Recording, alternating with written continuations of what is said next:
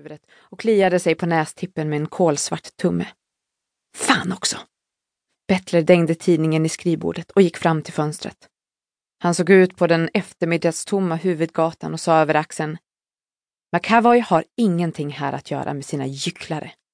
Vi varnade honom för att återvända, men det tycks karln totalt ha glömt. Sheriffen måste ha ögnat igenom tidningen så snart han fått den, att döma av den febrila brådska han visade då han stormade in. Jag vet, jag vet, sa Bettler. Det var ett misstag. Hur kunde du? Roscoe Gladman såg förbittrad ut. Har du förlorat allt ditt förstånd?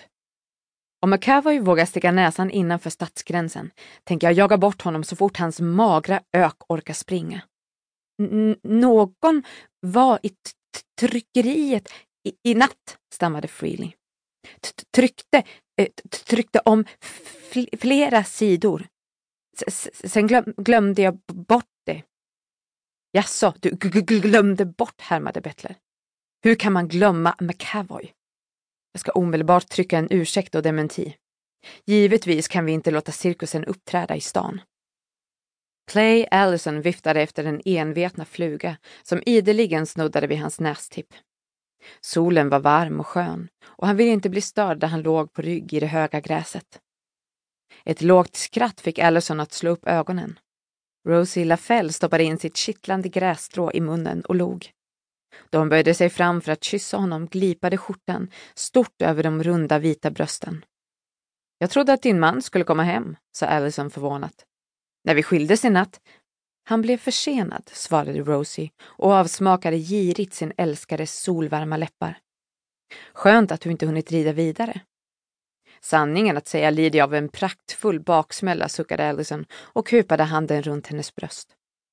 Hoover ville till varje pris bjuda på några glas till avsked. Min arma skalle påstår att det blev både en och två buteljer. Hm, ni två är hopplösa. Den blonda kvinnan såg ner på Allisons långa känsliga fingrar som petade knappar ur knapphål. Vad gör du? Jag? Ingenting. Jag kom hit för att berätta en sak. Clay, var ordentlig nu. Innerst inne ville hon inte att han skulle vara ordentlig. Det var just hans nonchalerande av vett och etikett och vad som passade sig som fått Rosie att förälska sig i honom. En man som under en herrmiddag viskat till värdinnan att han vill älska med henne gör intryck. Matt hade lyckligtvis ingenting märkt. Han var fruktansvärt svartsjuk och skulle annars ha kunnat ställa till med en mycket obehaglig scen. Bettler hade också varit där, liksom sheriffen, salongägaren Hoover och några av farmarna norröver bland annat Caruthers. Då pokerspelet kommit igång ordentligt låtsades Allison vara tvungen att gå ut för att kasta vatten. Men istället smet han in i köket, stängde dörren och kysste henne gång på gång. De hade bara träffats en gång tidigare och hans hunger både skrämde och lockade. Hennes man var 20 år äldre och deras äktenskap hade aldrig varit särskilt passionerat.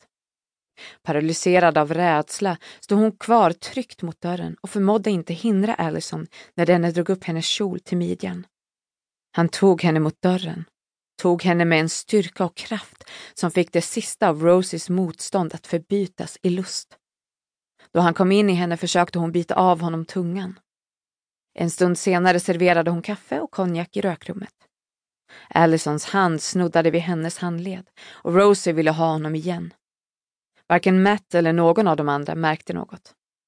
Nu välte han över henne på rygg i gräset, öppnade skjortan helt och kysste leende hennes bröst tills hon kände vårtorna bulta och ömma mot hans läppar och tungspets.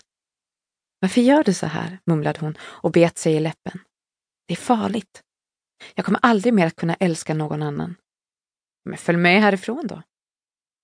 Du menar det inte. Du säger det bara för att göra mig glad. Ta det som du vill. Han drog av henne skjortan och knäppte upp kjolen. Hon var naken under och hjälpte till genom att lyfta på stjärten. Klä inte av dig, bad hon. Det kan komma någon. Han lydde som vanligt inte. Då han ställde sig upp för att få av stövlar och byxor skuggade hon ögonen med handen och såg på honom.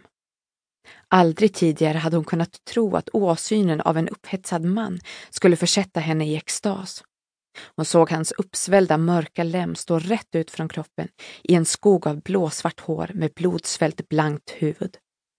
Min, tänkte hon och särade omedvetet benen. En lärka steg och steg ovanför dem och sjöng för